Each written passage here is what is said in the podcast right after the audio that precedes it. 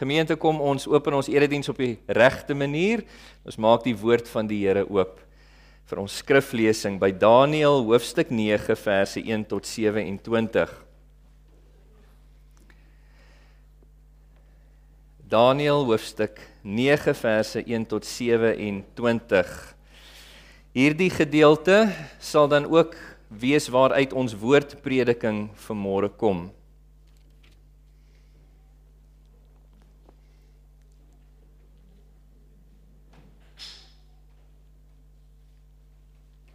Ek lees vir ons uit die Afrikaanse ou vertaling vanmôre. Wens die feit dat dit 'n baie goeie vertaling van die oorspronklike teks is van Daniël 9.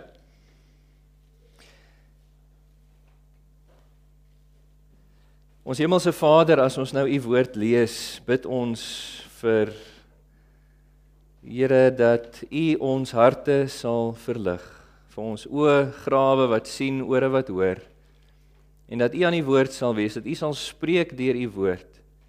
Dat ons dit sal verstaan en ter harte neem. Dit vra ons in Jesus se naam. Amen.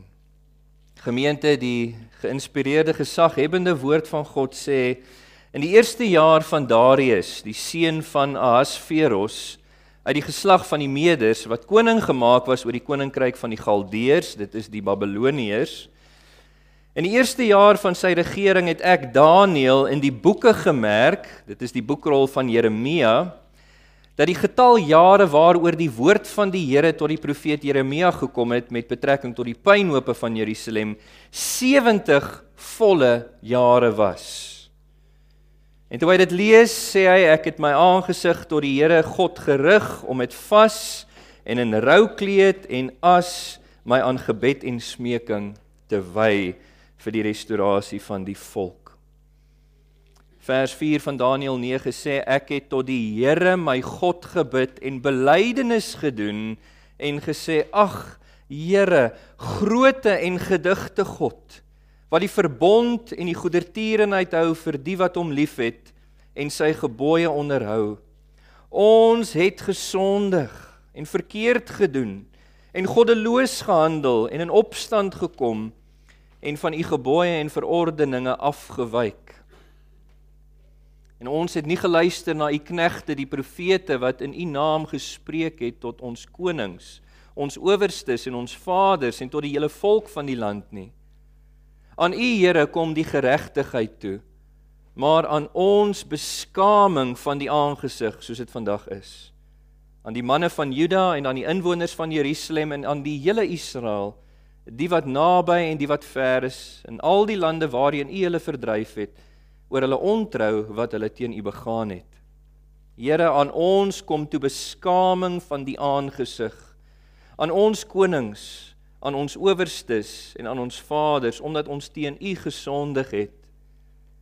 By die Here onsse God is barmhartigheid en vergewing want ons het teen hom opgestaan en na die stem van die Here onsse God nie geluister om te wandel in sy wette wat hy ons deur die diens van sy knegte die profete voorgehou het nie. Maar die hele Israel het u wet oortree en afgewyk deurdat hulle nie na u stem geluister het nie. Daarom is die vloek en die eed oor ons uitgestort wat geskrywe is in die wet van Moses, die knegg van God. In Levitikus 26 Deuteronomium 28, want ons het teen hom gesondig. En hy het sy woorde in vervulling laat gaan wat hy oor ons gespreek het en oor ons rigters wat ons bestuur het deur groot onheil oor ons te bring wat onder die ganse hemel nie gebeur het soos in Jerusalem nie. Soos in die wet van Moses geskrywe is, al hierdie onheil het oor ons gekom. En ons het die aangesig van die Here ons se God nie om genade gesmeek deur ons te bekeer van ons ongeregtighede en ag te gee op u waarheid nie. Daarom was die Here wakker oor die onheil.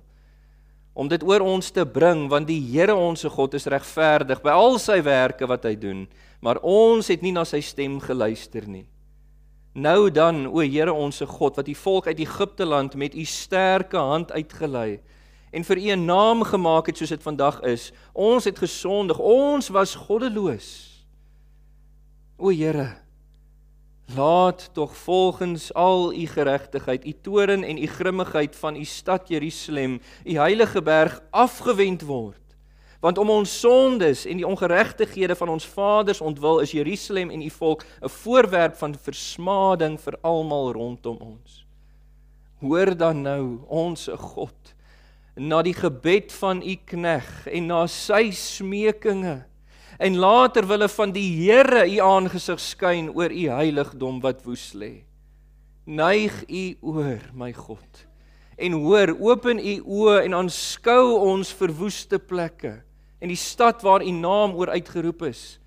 Want nie op grond van ons geregtigheid werp ons ons smekinge voor u aangesig neer nie, maar op grond van u groote barmhartigheid. Here hoor, Here vergeef. Here merk op en doen dit. Vertoef tog nie om u ontwil, my God. Want u naam is oor u stad en u volk uitgeroep. En dan skryf Daniël vanaf vers 20 Terwyl ek nog spreek en bid en my sonde en die sonde van my volk Israel bely en my smekinge voor die aangesig van die Here my God neerwerp ter wille van die heilige berg van my God terwyl ek nog spreek in die gebed het die man Gabriël wat ek uitgeput van vermoeienis, 'n vorige keer in die gesig gesien het, het hy na my toe gekom om ter in die tyd van die aandspysoffer. En hy het my onderrig, met my gespreek en gesê: "Daniël, nou het ek heen gegaan om jou insig te gee. By die begin van jou smeking het 'n woord uitgegaan en ek het gekom om dit mee te deel, 'n woord vanaf God. Want jy is 'n geliefde man." Gee dan ag op die woord en verstaan die gesig. En dan let nou veral op vanaf vers 24 tot 27. Gabriël sê onder die inspirasie van die Heilige Gees vir Daniël 70 sewe talle of jaarweke is oor jou volk en jou heilige stad bepaal om die goddeloosheid te volëindig om die maat van die sondes vol te maak Dit kan ook vertaal word om die sondes te beëindig, om die ongeregtigheid te versoen, om ewige geregtigheid aan te bring en om gesig en profete te beseël en om wat hoogheilig is te salf. Nou moet jy weet Daniël en verstaan van die uitgang van die woord af om Jerusalem te herstel en op te bou tot op 'n gesalfde hoofletter, 'n fors hoofletter, is sewe sewe talle en 62 sewe talle lank sal dit herstel en opgebou word met pleine en slote maar in tye van benoudheid. En na die 62 sewe talle sal 'n gesalfde vletter gee uitgeroei word sonder iets vir hom. En die volk van 'n vors wat sal kom sal die stad en die heiligdom verwoes, maar sy einde sal met 'n oorstroming wees en tot die einde toe sal dit oorlog wees vasbeslote verwoestings. En hy sal 1 week lank met baie 'n sterk verbond sluit. En gedurende die helfte van die week sal hy slagoffer en spysoffer laat ophou. En op die vleuel van gruwels sal daar 'n verwoester wees en wel tot aan die einde.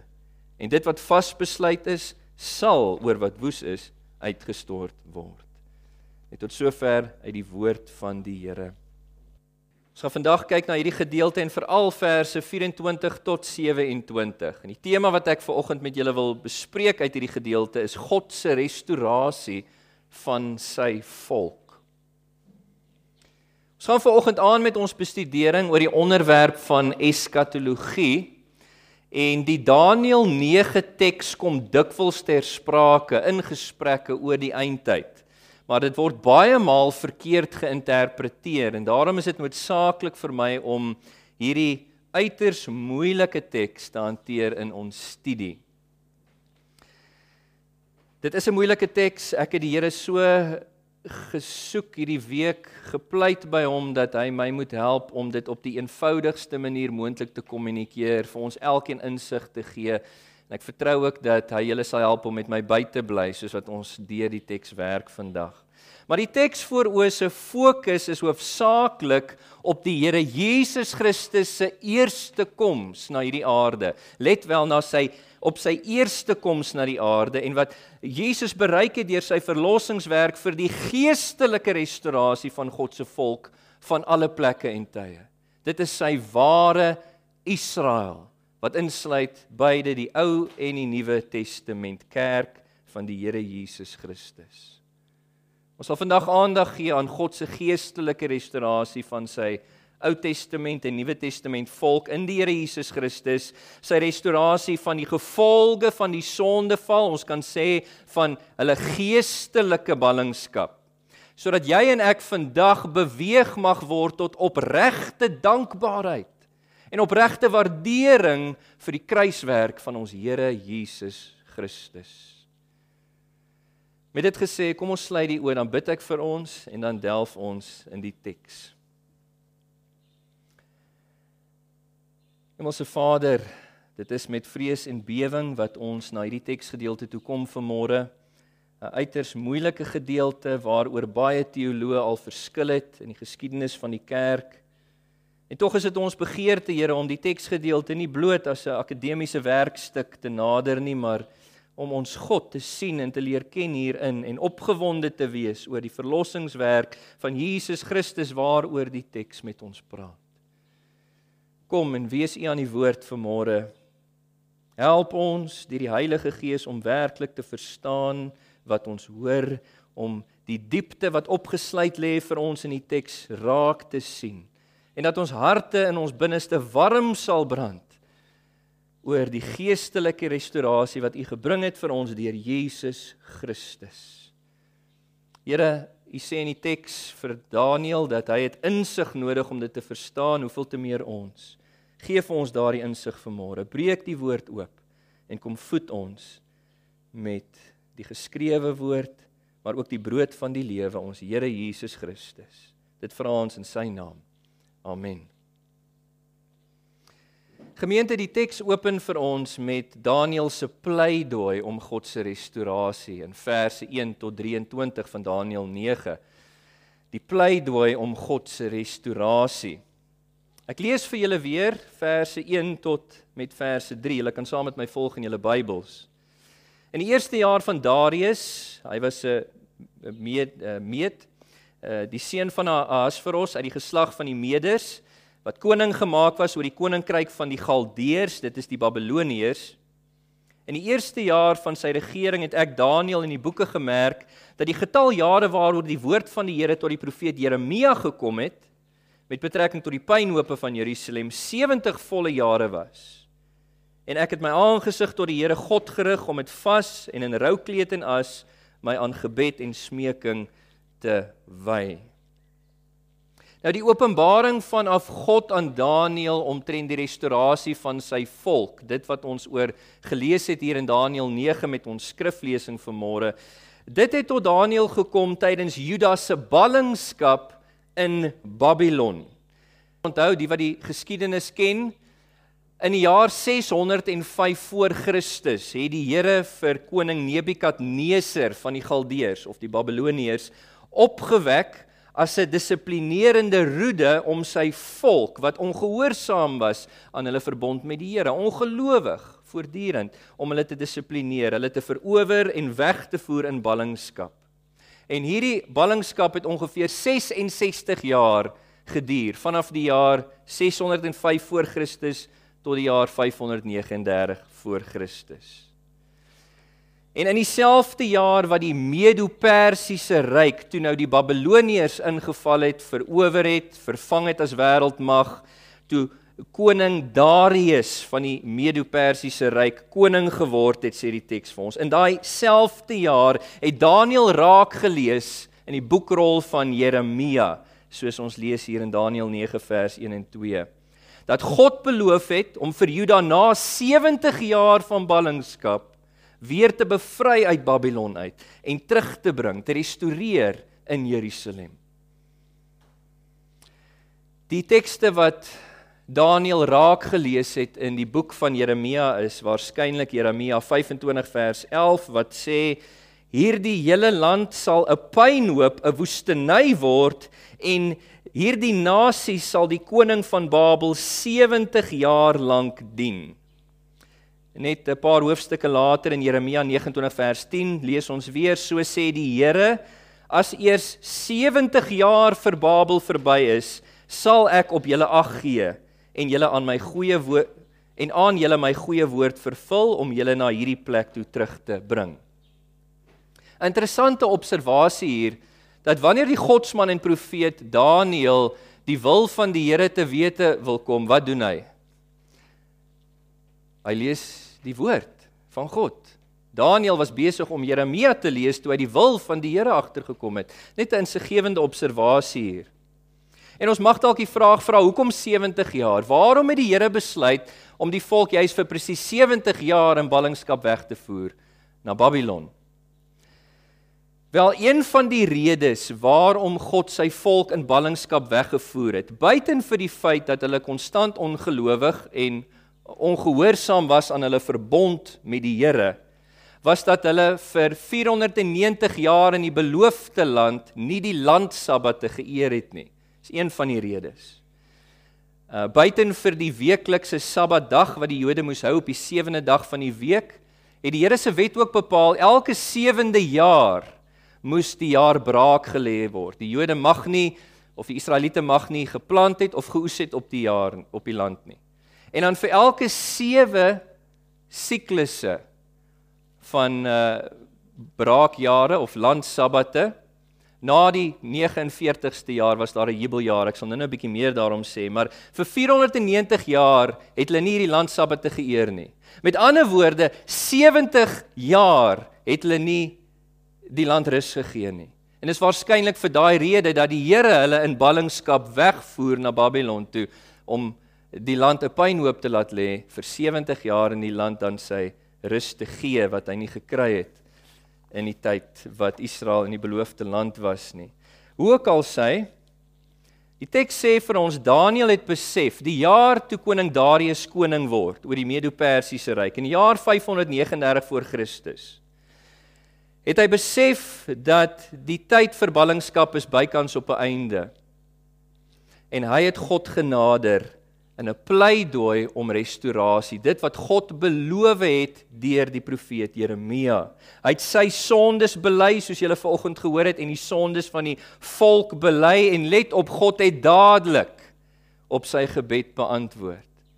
En ek wil hier toepassing uitlig. Dis vir my so mooi. Dit wys vir ons die hart van ons Here om verlossing te bring vir sy volk, om sy beloftes van verlossing waar te maak. Dadelik toe Daniël in opregtheid uitkniel voor die Here, sy sondes bely, die volk se sondes bely voor die Here, buig God neer met 'n antwoord aan Daniël en hy stuur Gabriël sy hemelse boodskapper om hierdie boodskap te bring aan Daniël. Lees saam met my Daniël 9 vers 20 tot 23. Dit sê dat terwyl ek nog spreek en bid en my sonde en die sonde van my volk Israel bely, en my smeking voor die aangesig van die Here my God neerwerp ter wille van die heilige berg van my God. Terwyl ek nog spreek in die gebed, het die man Gabriël wat ek uitgeput van vermoeienis 'n vorige keer in die gesig gesien het, na my toe gekom omtrent die tyd van die aandspysoffer. En hy het my onderrig en met my gespreek en hy het gesê Daniël, nou het ek heen gegaan om jou insig te gee. By die begin van jou smekinge het 'n woord uitgegaan en ek het nou gekom om dit mee te deel, want jy is 'n geliefde man. Gee dan ag op die woord en verstaan die gesig. Belangrik. Let op hierso. Ons lees in vers 23 wat nou hier volg word genoem in die einde van vers 23 'n gesig. Afrikaanse ou vertaling Die 1983 Nuwe Afrikaanse Bybel noem dit 'n uh, visioen, die direkte 2020 vertaling noem dit 'n openbaring. En waarvoor Daniël dan, soos die teks sê, spesiale insig nodig gehad het om dit te verstaan. 'n Tweede maal hier in vers 25 ook word dieselfde vermaaning gerig. Daniël, nou moet jy weet en verstaan. Nou dit dui vir ons aan dat die verstaan van die teks is nie iets voor die hand liggend nie. Dis nie uh met ander woorde hierdie visioen, hierdie hierdie gesig is nie het nie 'n streng letterlike betekenis nie, maar 'n teologiese betekenis wat ek vir julle sal verduidelik. Met ander woorde, ons moenie hierdie teks kronologies verstaan nie, maar teologies soos wat ek dit sal verduidelik. Nou goed, hierdie gesig in hierdie visioen openbaar God dan aan Daniël eerstens die doel van God se restaurasie in vers 24. Ons het nou gekyk na die pleidooi van Daniël om restaurasie. Volgende sien ons nou die doel wat God openbaar vir sy restaurasie in vers 24. En die Here noem 6 doelstellings hier wat bereik sal word met sy restaurasie van sy volk. Lees saam met my vers 24 weer in julle Bybels. 70 sewe talle of jaar weke. Moenie nou bekommer oor hierdie 70 sewe talle nie. Ek sal nou-nou vir julle verduidelik waarna dit verwys en hoekom God spesifiek dit gebruik om die gesig of visioen aan Daniël te kommunikeer. 70 sewe talle is oor jou volk en jou heilige stad bepaal om wat te bereik? 6 dinge. Eerstens, om die goddeloosheid te volëindig. Tweedens, en 'n in 'n beter vertaling hier na my mening om die sondes te beëindig. Soos die 83 sê. Derdens om die ongeregtigheid te versoen. Vierdens om ewige geregtigheid aan te bring.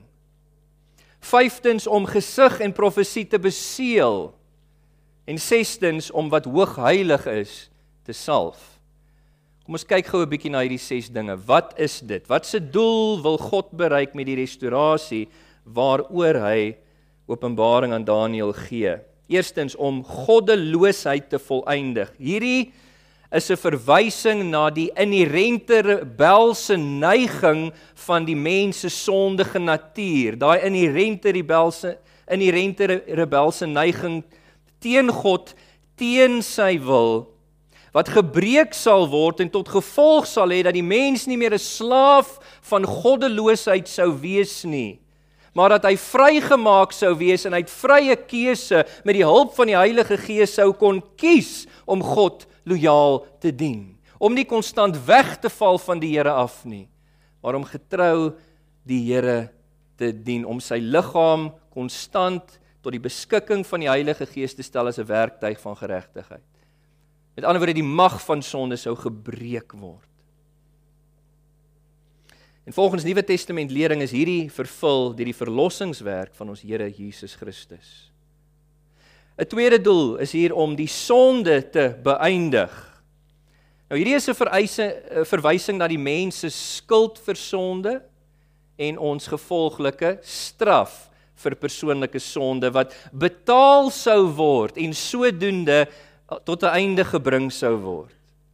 En die Nuwe Testament lering leer vir ons dat uh, dit ook het gebeur en is vervul met die verlossingswerk van ons Here Jesus Christus. Dan 'n derde doelstelling wat bereik sou word, om ongeregtigheid te versoen. En die klem hierso is op die woord versoen spesifiek. Hierdie is 'n verwysing na God se toren sy heilige woede oor sonde wat versadig sou word, uit die weg geruim sou word en waardeur die sondaar dan naby God weer gebring sou word, met God versoen sou word. En volgens Nuwe Testament lering is ook dit vervul deur die verlossingswerk van ons Here Jesus Christus. Dan 'n vierde doelstelling is om ewige geregtigheid aan te bring. Dit is vir ons 'n verwysing na regverdigmaking. Dit wil sê God se verklaring van die sondaar as regverdig voor sy aangesig vir tyd en ewigheid op grond van Jesus Christus se verlossingswerk. Jesus wat die morele wet van God volmaak om gehoorsaam het namens die gelowige en vir ons 'n rekord van volmaakte geregtigheid sodoende verdien het. Nuwe Testament lering sê vir ons dit is vervul deur die verlossingswerk van Jesus Christus. 'n Vyfde doelstelling wat hier genoem word is om gesig en profeet te beseël. Wat beteken dit? Is 'n verwysing na die verbygaan, die afhandeling van daai seisoen, daai tydperk in die Ou Testament van voorbereiding, die tyd van skadies en tipes onder die ou verbond dat dit afgehandel sou wees. En uh, volgens Nuwe Testament lering het hierdie beseeling van die ou verbond gebeur met die verlossingswerk van Jesus Christus, want hy was die vervulling van die wet en die profete. Hy het vervul elke skadu, elke tipe van die Ou Testament en sodoende die nuwe verbond vir ons bekragtig. En dan 'n sesde doelstelling hier is om wat hoogheilig is te salf Dit verwys na die doop van ons Here Jesus Christus of liewer die salwing van Christus vir sy publieke aardse bediening. Julle sal onthou by sy doop het die Heilige Gees op hom neergedaal in die vorm van 'n duif. Daar is hy bekragtig, gesalf vir sy bediening wat gevolg het. Hy's dadelik na sy doop in die woestyn ingelei vir vir die versoeking met die vyand en daai bediening het uitgeloop op die kruis natuurlik. So julle sal hoor, niks van hierdie 6 doelstellings van God se restaurasie van sy volk hier in vers 24 het gerealiseer met daai met die eerste aanvanklike restaurasie van die volk, die Jode wat uit ballingskap uitgekom het terug na hulle land Jerusalem toe nie. Toe het niks van hierdie dinge gerealiseer nie. Toe hulle die mure van Jerusalem herbou het, die tempel herbou het in die jaar 455 40 voor Christus nie. Hierdie dinge het als eers gerealiseer met die eerste koms en die verlossingswerk van ons Here Jesus Christus. Dis baie duidelik. En dis lei ons af dat al was daar 'n aanvanklike letterlike fisiese herstel van die Jode na ballingskap terug in hulle land Jerusalem dit waarvoor Daniël gebid het in die teks. Kyk hierdie openbaring in Daniël 9 verby daai aanvanklike restaurasie na God se uiteindelike finale geestelike restaurasie wat sou kom vir sy volk van alle plekke en tye, vir sy ware Israel, Ou Testament en Nuwe Testament kerk wat gekom het deur die verlossingswerk van Jesus Christus. En nadat God dan hierdie doelstellings met betrekking tot die restaurasie van sy volk aan Daniël geopenbaar het, dan lig hy vir Daniël in met betrekking tot die tyd van God se restaurasie van sy volk in verse 25 tot 27. Die tyd van God se restaurasie. En hier raak die teks nou baie ingewikkeld. Maar ek gaan aan julle kommunikeer wat ek met my hele hart oortuig is die enigste gangbare interpretasie van die teks is in harmonie met die res van die skrifte. Nou ons het reeds vasgestel vanuit vers 24 dat God se openbaring aan Daniël hier kyk verby die aanvanklike herstel van die Jode uit Babylon uit in hulle land in Jerusalem in die jaar 445 het kyk verby na daai aanvanklike restaurasie na sy geestelike restaurasie wat sou kom deur die verlossingswerk van Jesus Christus. Nou in verse 25 tot 27 dui God vir Daniël aan en vir ons deur Daniël wanneer daardie restaurasie sal plaasvind. Of liewer wanneer die doelstellings van vers 24 vervul sou word. En hier wil ek nou hê moet julle weer saam met my kyk na vers 24. Na die 70 sewe talle 70 sewe talle, dit is jaar, weke of uh, periodes van 7 opeenvolgende tydeenhede liewer uh, is oor jou volk en oor jou heilige stad bepaal. Hierdie 70 sewes of weke soos die 2020 vertaling dit sê, waarvan Gabriël hierso in vers 24 met Daniël praat, is 'n verwysing na en is 'n vervulling van die Ou Testament jubeljaar. En ek wil hê julle moet gou saam met my blaai na Levitikus 25 toe dat ons kyk waar die simbolisme van hierdie profesie vandaan kom. Dit gaan vir ons help om eh, wat die Here hier sê ook beter te verstaan. Levitikus 25 vanaf vers 8. Laat ek net noem soos ek reeds verduidelik het, dit was deel van God se wet dat elke 7de jaar die Jode of die Israeliete die land moes laat braak lê. Hulle mag nie daarop gesaai het of geoes het nie en elke 7 siklusse van landsabbate. Met ander woorde elke 7 siklusse van 7 jaar, dit is na 49 jaar, 7 maal 7 is 49. Die 50ste jaar is 'n jubeljaar, uitgeroep as 'n jaar van restaurasie vir die volk. Kom ons lees wat die Here daaroor sê in Levitikus 25 vanaf vers 8. Die Here sê jy moet ook 7 jaar weke tel. Hier het ons nou weer daai bewoording, né? 7 maal 7 jaar sodat die dae van die 7 jaar weke vir jou 49 jaar is. Dan moet jy in die 7de maand op die 10de van die maand 'n bassein geklank laat deurgaan. Op die versoendag moet julle die bassein deur julle hele land laat gaan en julle moet die 50ste jaar heilig. Onthou, dit is dan die jubeljaar. Die 50ste jaar heilig en 'n vrylating in die land uitroep en al sy bewoners. Dit moet vir julle 'n jubeljaar wees. Dan moet julle elkeen na sy besitting, elkeen na sy geslag teruggaan. 'n Jubeljaar moet dit wees, die 50ste jaar, begin van vers 12 sê dit is 'n heilige jaar vir die volk en so voorts. En ons kan verstaan as ons 'n studie maak van Levitikus 25 vanaf vers 8 tot die einde van die hoofstuk, hoekom dit 'n jubeljaar genoem was. Nommer 1 want al die eiendom in Israel wat gekoop of verkoop was, moes teruggegee word aan die oorspronklike eienaars sodat die stamme die landgebied kon behou wat aan hulle toebedeel was in Joshua se tyd. Dit moes gebeur. Tweedens, daar was 'n vrylating van alle slawe. Moes dadelik vry, vrygelaat word in daai jaar, die 50ste jaar. Dan daar was 'n uitkanselleer van alle skuld. Al die boeke was tot op nul gebring en in daai jaar moes die land ook rus en braak lê. En jy kan daarom verstaan waarom die Here dan nou hierdie gebruik, hierdie pragtige simbolisme vir die restaurasie wat hy geestelik vir sy volk deur Christus Jesus wou bring. En dit is belangrik dat ons dit moet verstaan. Net soos wat die land vir 7 siklusse van 7 moes wag vir sy restaurasie, sê God dan nou in die profesie vir Daniël sal 70 siklusse van 7 verbygaan voordat sy geestelike restaurasie sou aanbreek. En dit is die teologiese betekenis agter die teks, agter hierdie 70 sewe talle. Met ander woorde, die geestelike restaurasie van God in Christus Jesus, dit is die vervulling van die Ou Testament jubeljaar, die jaar van restaurasie. Nou kom ons kyk na vers 25. Nou sal dit vir julle meer sin maak. Gabriël sê vir Daniël, nou moet jy weet en verstaan van die uitgang van die woord af om Jerusalem te herstel. Wanneer het dit gebeur? Ek wil hê julle moet nog net eenmaal saam met my blaai in julle Bybels, hierdie keer na Esra hoofstuk 1 toe. Dan gaan kyk ons waar presies hierdie dekreet gemaak is waarna verwys word in die profesie. Hierdie dekreet word op verskeie plekke genoem in die Bybel, soos 2 Kronieke 36 ook, verse 22 en 23.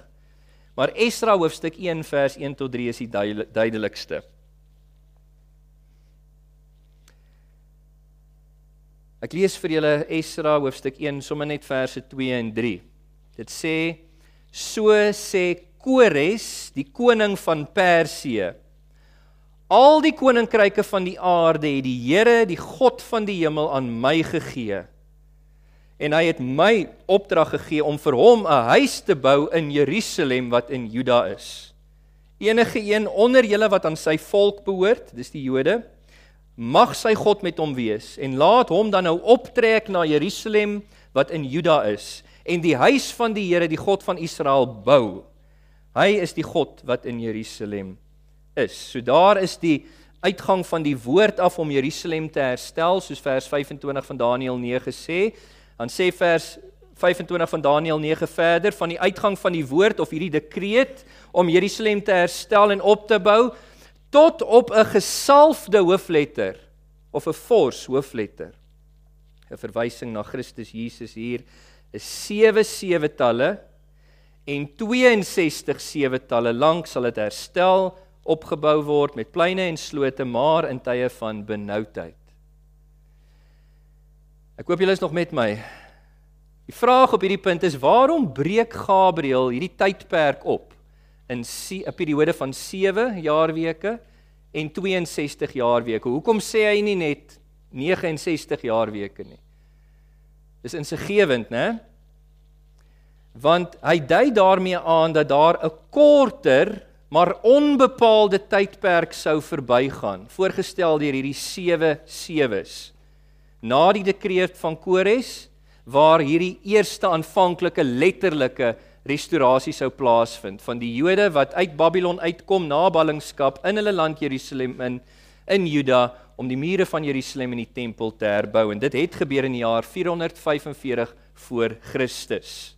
Daar's 'n kort tydperk en dit sou gebeur het. Maar dan sê dit ook ehm um, laat ek net noem hierso hierdie aanvanklike restaurasie het gepaard gegaan met baie benoudheid soos vers uh 25 vir ons sê van uh, Daniël 9 hier aan die einde van die vers in tye van benoudheid. Ons lees veral van daai benoudheid in die boeke van Esra en Nehemia. En dan na daai aanvanklike restaurasie in die jaar 445 in Jerusalem dan sou daar 'n langer, maar onbepaalde tydperk voorgestel deur hierdie 62 sewes verloop voordat God uiteindelik sy geestelike restaurasie van sy volk deur die gesalfde die vors Jesus Christus sou bewerkstellig. Julle verstaan, 'n korter tydperk na sou aanvanklike restaurasie wees. 'n Langer tydperk daarvan af voorgestel deur die 62 jaar weke en die geestelike restaurasie sou kom deur Christus Jesus. En dan sê vers 26 se begin na die 62 sewe talle. Nou moet julle my mooi volg. Dit wil sê na daai tweede langer maar onbepaalde tydperk voorgestel deur die 62 jaar weke, die 62 wat gevolg het op die 7, as ek op 'n ander manier kan sê, na die 69 jaar weke vroeg in die 70ste jaarweek, die laaste jaarweek van die 70 jaar weke, sal twee dinge gebeur. Nommer 1, die Here Jesus Christus sou sterf aan 'n kruis. Kyk wat sê die teks. Na die 62 sewetalle, nie voor of tydens nie, na daai tydperk sal 'n gesalfde uitgeroei word. Die Grieks of die Hebreëse woord vir gesalfde hier Messias is waarvan ons Messias kry. Jesus Christus. Hy sal uitgeroei word. Die term vir uitroei kan ook vertaal word as om uit te wis, af te sny uit die land van die lewendes, 'n duidelike verwysing na Jesus Christus se kruisdood hier. En dit sal wees sonder iets vir hom sê die teks. Met ander woorde, sy kruisdood sou nie primêr tot sy eie voordeel wees nie, maar tot die voordeel van ander gelowiges sy ware Israel vir wie hy gekom het om die kruis weg te stap. 'n Tweede ding wat sou gebeur na die 69 jaar weke vroeg in die 70 70ste jaarweek, daai laaste jaarweek van die profesie, sou die Jerusalem en die tempel wat aanvanklik gerestoreer was in 445 na Christus weer vernietig word. En dit is insiggewend. Kyk saam met my na die teks. Dit sê vir ons hierso uh die volk van 'n vors wat sal kom, sal die stad en die heiligdom verwoes. Maar sy einde sal met 'n oorstroming wees en tot die einde toe sal dit oorlog wees vasbeslote vir woestings. Hierdie is 'n duidelike verwysing na die verwoesting van Jerusalem en haar inwoners met die tempel en alles saam in die jaar 70 na Christus, kort na Jesus se kruisdood. Deur die Romeinse keiser Vespasian wat sy seun die generaal Titus gestuur het om met die Romeinse magte Jerusalem in te val. Let net gou op hierso, dit praat van 'n vors hier, 'n prins Dis nie hy sal nie die koning wees nie, hy is slegs die prins. Met ander woorde Titus was in 70 AD toe hierdie vervul is, nie die keiser nie, hy was net die generaal van die weermag. Julle let op die detail waarmee die profesie vervul is. Hy het later keiser geword en sy pa opgevolg, maar op hierdie stadium toe die tempel in Jerusalem vernietig was, uh, was hy nog net die vors gewees en dan sê dit ook die volk van 'n vors wat sal kom, sal die stad en die heiligdom verwoes. Die geskiedenis sê vir ons dat Titus wou nie aanvanklik die tempel in Jerusalem verwoes nie. Dit was een van die wonders van die wêreld van daai tyd, 'n pragtige, kolossale gebou. Hy wou dit toewy aan keiseraanbidding. Maar toe die Romeinse magte Jerusalem in 70 na Christus inval in die harwar van die stryd, het die tempel aan die brand geraak en hy kon nie die verwoesting van die tempel keer nie. En dis soos die teks presies sê, let julle op die detail waarmee dit vervul is. Die volk van 'n vors wat sal kom, sal die stad en die heiligdom verwoes. Nou hier wil ek hê moet julle oplet. Dit wat nou eintlik geïmpliseer word, wil ek net duidelik stel in woorde. Hierdie eerste kort maar onbepaalde tydperk, die voorgestel deur die 7 sewe talle. Dit het gewys op 'n fisiese restaurasie van die Jode in Jerusalem na ballingskap uit Babelonie uit wat die mure om Jerusalem, die tempel sou herbou. Dit het gebeur in die jaar 445 voor Christus. Maar in dieselfde asem sê die Here, daai stad en tempel wat herbou was, sal weer vernietig word na die langer onbepaalde tydperk voorgestel deur die 62 jaar weke. Dis insiggewend want dit dui vir ons aan dat die klem van die teks is nie so seer op die aanvanklike fisiese restaurasie nie. Die klem plaas die Here spesifiek op die geestelike restaurasie wat sou kom deur die Here Jesus Christus. En die teks sê vir ons maar sy einde sal 'n sal met 'n oorstroming wees tot die einde toe sal daar oorlog wees vasbeslote verwoestings die Romeinse soldate het teen die stad Jerusalem aangekom in die jaar 70 na Christus soos 'n stortvloed, 'n watervloed en dit geheel en al oorstroom en daai stad se verwoesting was 'n totale verwoesting presies soos hier in die teks geprofeteer was. Josefus die historikus skryf vir ons in sy geskiedeniswerk na 70 uh, na Christus se inval was daar niks oor waaraan herken kon word dat daar ooit mense in Jerusalem gewoon het nie. So erg was die verwoesting. Dis vir vertaal in my eie woorde. En dan kom ons kyk net gou na vers 27 ook. Vers 27 gemeente baie belangrik volg nie kronologies op vers 26 nie. Dit staan parallel aan vers 26. Met ander woorde, dit herbevestig net wat vers 26 gesê het. Dis in lyn met die Hebreëse literatuurvorm wat baie uh, parallelisme gebruik, maar ook um, omdat ons sien beide vers 26 en vers 27 se begin praat van die gesalfde Jesus Christus en beide vers 26 en 27 se einde praat van die verwoesting, dieselfde verwoesting van Jerusalem en die tempel. Nou begin vers 27 en hy sal een week lank met baie 'n sterk verbond sluit. Wie is hierdie hy? Grammatiese uh, grammatiek sê vir ons, leer vir ons dat as jy 'n persoonlike voornaamwoord het wat alleen staan, moet daar 'n antecedent iewers wees in die konteks waarna dit verwys. Baie interpreteerders van die teks fouteer hier want hulle druk 'n ander persoon in hier by die hy wat nie in die konteks voorkom nie. Dinge soos 'n toekomstige anti-kris en ek weet nie wat se ander persoonlikhede alles nie. Ons moet gaan kyk in die konteks van die teks na wie verwys die hy.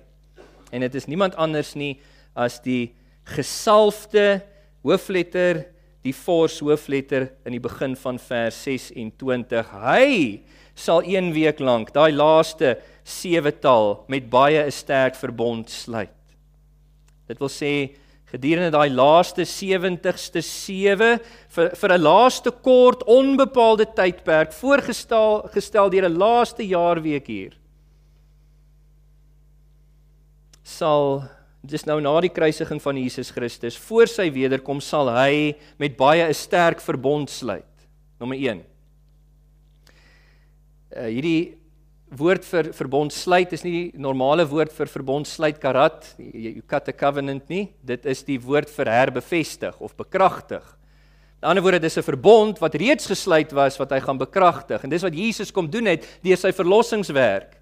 Hy het die genade verbond soos beloof aan Abraham kom bevestig en bekragtig in die nuwe verbond. En dis presies waarna verwys word. Hy sal vir 'n kort tydperk met baie 'n sterk verbond sluit daai verbond bekragtig.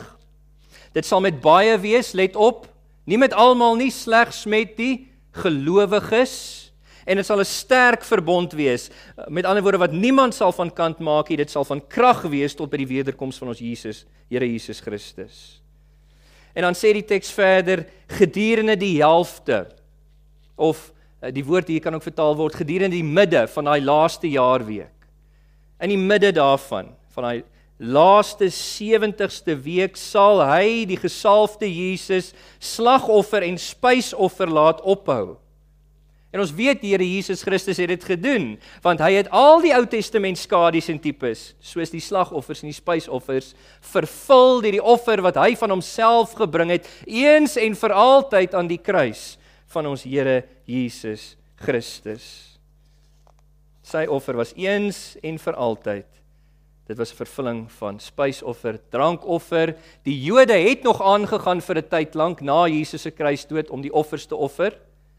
Maar met die inval van die Romeine in Jerusalem in die jaar 70 na Christus, die vernietiging van die stad en die tempel, het daai offers ook uiteindelik gestop in die jaar 70 na Christus, want daar was nie meer 'n tempel en daar is vandag steeds nie 'n tempel vir hulle om die offers te bring volgens die voorskrif van God se Ou Testament wet nie.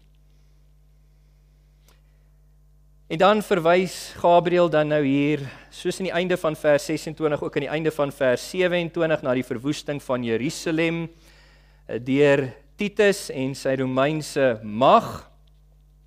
Ek lees net vir julle die teks dit sê ehm um, op die vleuel van gruwels sal daar ver, verwoester wees wel tot aan die einde en wat vasbesluit is sal oor wat woes is uitgestort word.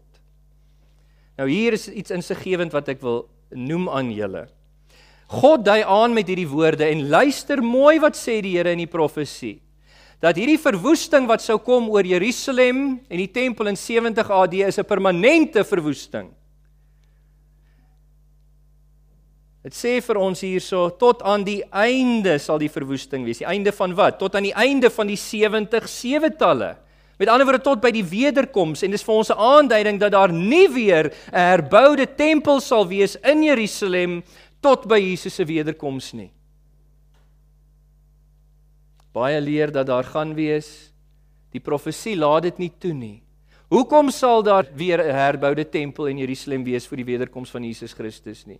Nommer 1 vir die feit dat die teks dit profeteer vir ons hier baie duidelik, maar tweedens, die Bybel leer vir ons in die Nuwe Testament dat Jesus was vir ons die vervulling van die Ou Testament tempel. In Johannes 2 vers 19 lees ons, hy het gesê, "Breek hierdie tempel af en ek sal dit in 3 dae herbou." En Johannes voeg vir ons by, hy het gepraat van sy liggaam. Jesus is die een wat kom tabernakel het in ons midde. En ons wat deur wedergeboorte verenig is met Jesus, wat deel geword het van sy kerk liggaam, ons is nou die tempel van die Here God, waardeur of waarin God woon deur sy Gees. Dit leer ons in tekste soos Efesiërs 2 vers 19 tot 22, 1 Petrus 2 vers 4 en 5. Ons is die tempel van God, die woning van God deur die Gees, en God sal nooit weer woon in 'n tempel deur mensehande gemaak nie want hy woon in sy kerk deur middel van sy gees. Dankie dat julle bygehou het met my in hierdie hitte. Ek waardeer dit gemeente. Kom ek sluit net vir ons hier af met 'n woord van toepassing. Ons verstaan nou die teks dat dit met verwysing tot die eerste koms van Jesus Christus is. Ek wil dit net toepas vir ons dat ons weet wat dit vir ons vandag sê en hoe ons behoort te reageer in die lig van God se woord hier. Eerstens vir ons is die klem vandag nie so seer meer op tyd nie, maar wat Jesus Christus bereik het deur sy verlossingswerk, toe hy hierdie geestelike restaurasie van God gebring het. Deur middel van van sy verlossingswerk het al die doelstellings van vers 24 vir jou en my 'n wesenlike realiteit geword. Ons wat geglo het in Jesus Christus. Hierdie dinge is nie waar vir jou as jy nog nie die Here Jesus Christus aangeneem het deur bekering en geloof as jou persoonlike verlosser en Here nie. Maar vir ons wat geglo het, sê die teks in geen onsekere terme nie. Nommer 1. Goddeloosheid is in ons geval volëindig. Daai inherente rebelse neiging van ons sondige natuur om vyhandig gesind te wees teen God, gekant te wees teen hom en sy wil, dis gebreek in ons. Ons is nie meer die slawe van goddeloosheid nie. Jy en ek is nie meer die slawe van Satan en sonde nie. Ons is vrygemaak deur die kruis van Jesus om 'n besluit te kan maak en te kan sê nee vir versoeking en ons liggame te kan stel as werktuie van geregtigheid om die Here toegewyd te dien. Tweedens vir jou en my wat geglo het, is sonde beëindig. Daai skuld van jou en my sonde en die straf wat dit genootsaak het, het Jesus op homself geneem aan die kruis. Hy het dit betaal ten volle. Dis weggeneem sodat daar geen veroordeling op jou en my meer rus nie. Ons is gered van die oordeel van God wat kom oor sonde in die wêreld. Derdens vir jou en my wat geglo het, is ons ongeregtigheid versoen. Dit beteken dat eh, God se heilige toren wat ons verdien het vir ons onheilige rebelsheid, ons sondigheid teen hom, dit is versadig in Jesus Christus. Sy liggaam was gebreek aan die kruis toe God se toren op hom neergekom het in ons plek. Daai toren is versadig, dis uit die weg geruim en sodoende was ons naby God gebring om met hom versoen te word in Christus Jesus. En ook vir ons wat geglo het, is 'n ewige geregtigheid aangebring. En kan daar enige iets meer vertroostend, hoopvol wees as hierdie waarheid nie? Jesus Christus het in ons plek gedoen wat ons nie kon nie. Hy het die wet van God volmaak vervul in die vlees en sodoende vir ons 'n rekord van volmaakte geregtigheid verdien wat ons ontvang deur die geloof. En vir ons het hierdie volmaakte geregtigheid vir tyd en ewigheid aangebreek deur geloof. En ek wil julle aanmoedig gemeente om onwrikbaar vas te gryp deur die geloof hierdie waarhede. Hou vas hieraan. Want die Bybel sê dit is waar van jou in Christus Jesus. Hou vas hieraan. Die mag van sonde oor jou is gebreek. Jy's nie 'n slaaf van sonde meer nie. Die skuld van sonde is betaal. Daar's nie meer veroordeling oor jou nie. Die toren van sonde is versadig oor jou. Jy's 'n vriend van God nou. Hy dink gedagtes van seën oor jou. En jy is regverdig verklaar voor God vir tyd en ewigheid. Maar in ons daaglikse belewenis weet ons ons beleef nog nie hierdie dinge in volmaakte graad nie, né? as gevolg van die beginsel van die sonde en die dood wat nog werksaam is in ons vlees, ons sondige natuur. En dit maak dat ons nog rebelleer soms teen God se waarheid en wil. Dit maak dat ons nog soms onsself skuldig maak aan sonde voor die Here. Dit maak dat ons soms nog die Heilige Gees bedroef en onsself onder die dissipline van die Here bring. En dit maak dat ons soms nie leef as diegene wat regverdig verklaar is nie, maar wat ons het om na uit te sien en waarmee ek julle wil bemoedig is dat wanneer hierdie laaste die 70ste sewetal van die profesie tot 'n einde kom by die wederkoms van ons Here Jesus Christus wanneer hierdie kerk era waarin ons leef vervul is dan sal die jubeljaar van God in sy volheid aanbreek in die nuwe hemel en nuwe aarde die jaar van geestelike restaurasie en daar sal ons dit wat beloof word hier in vers 24 in volmaakte graad nadat ons verheerlik is.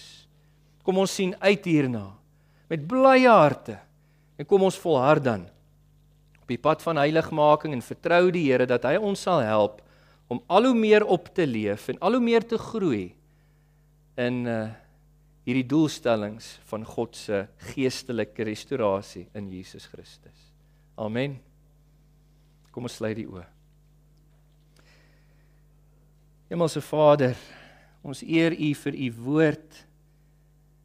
So moeilike teks, maar tog so eenvoudig wanneer die gees van waarheid dit aan ons oopbreek. Help ons Here om nie onsself blind te staar teen die tegniese dinge wat ons nie verstaan nie, maar om vanuit die teks opgewonde te wees oor die kruis van Jesus. Deur wie die mag van sonde, deur wie die skuld en die straf van sonde, deur wie die toren van God oor sonde eh, uit die weg geruim is en deur wie ons 'n volmaakte geregtigheid ontvang het deur geloof. Here ons eer U vir die kruis, vir die geestelike restaurasie wat U aangebring het, nie net vir die Ou Testament volk nie, maar ook vir ons, U Nuwe Testament volk, die ware Israel, die kerk van Jesus Christus. En mag U ons dan help, Here, om verder te gaan mediteer oor hierdie teks in die week wat kom, wees die naprediker van U woord en groei ons ook in hierdie dinge. Dit vra ons in Jesus se naam. Amen.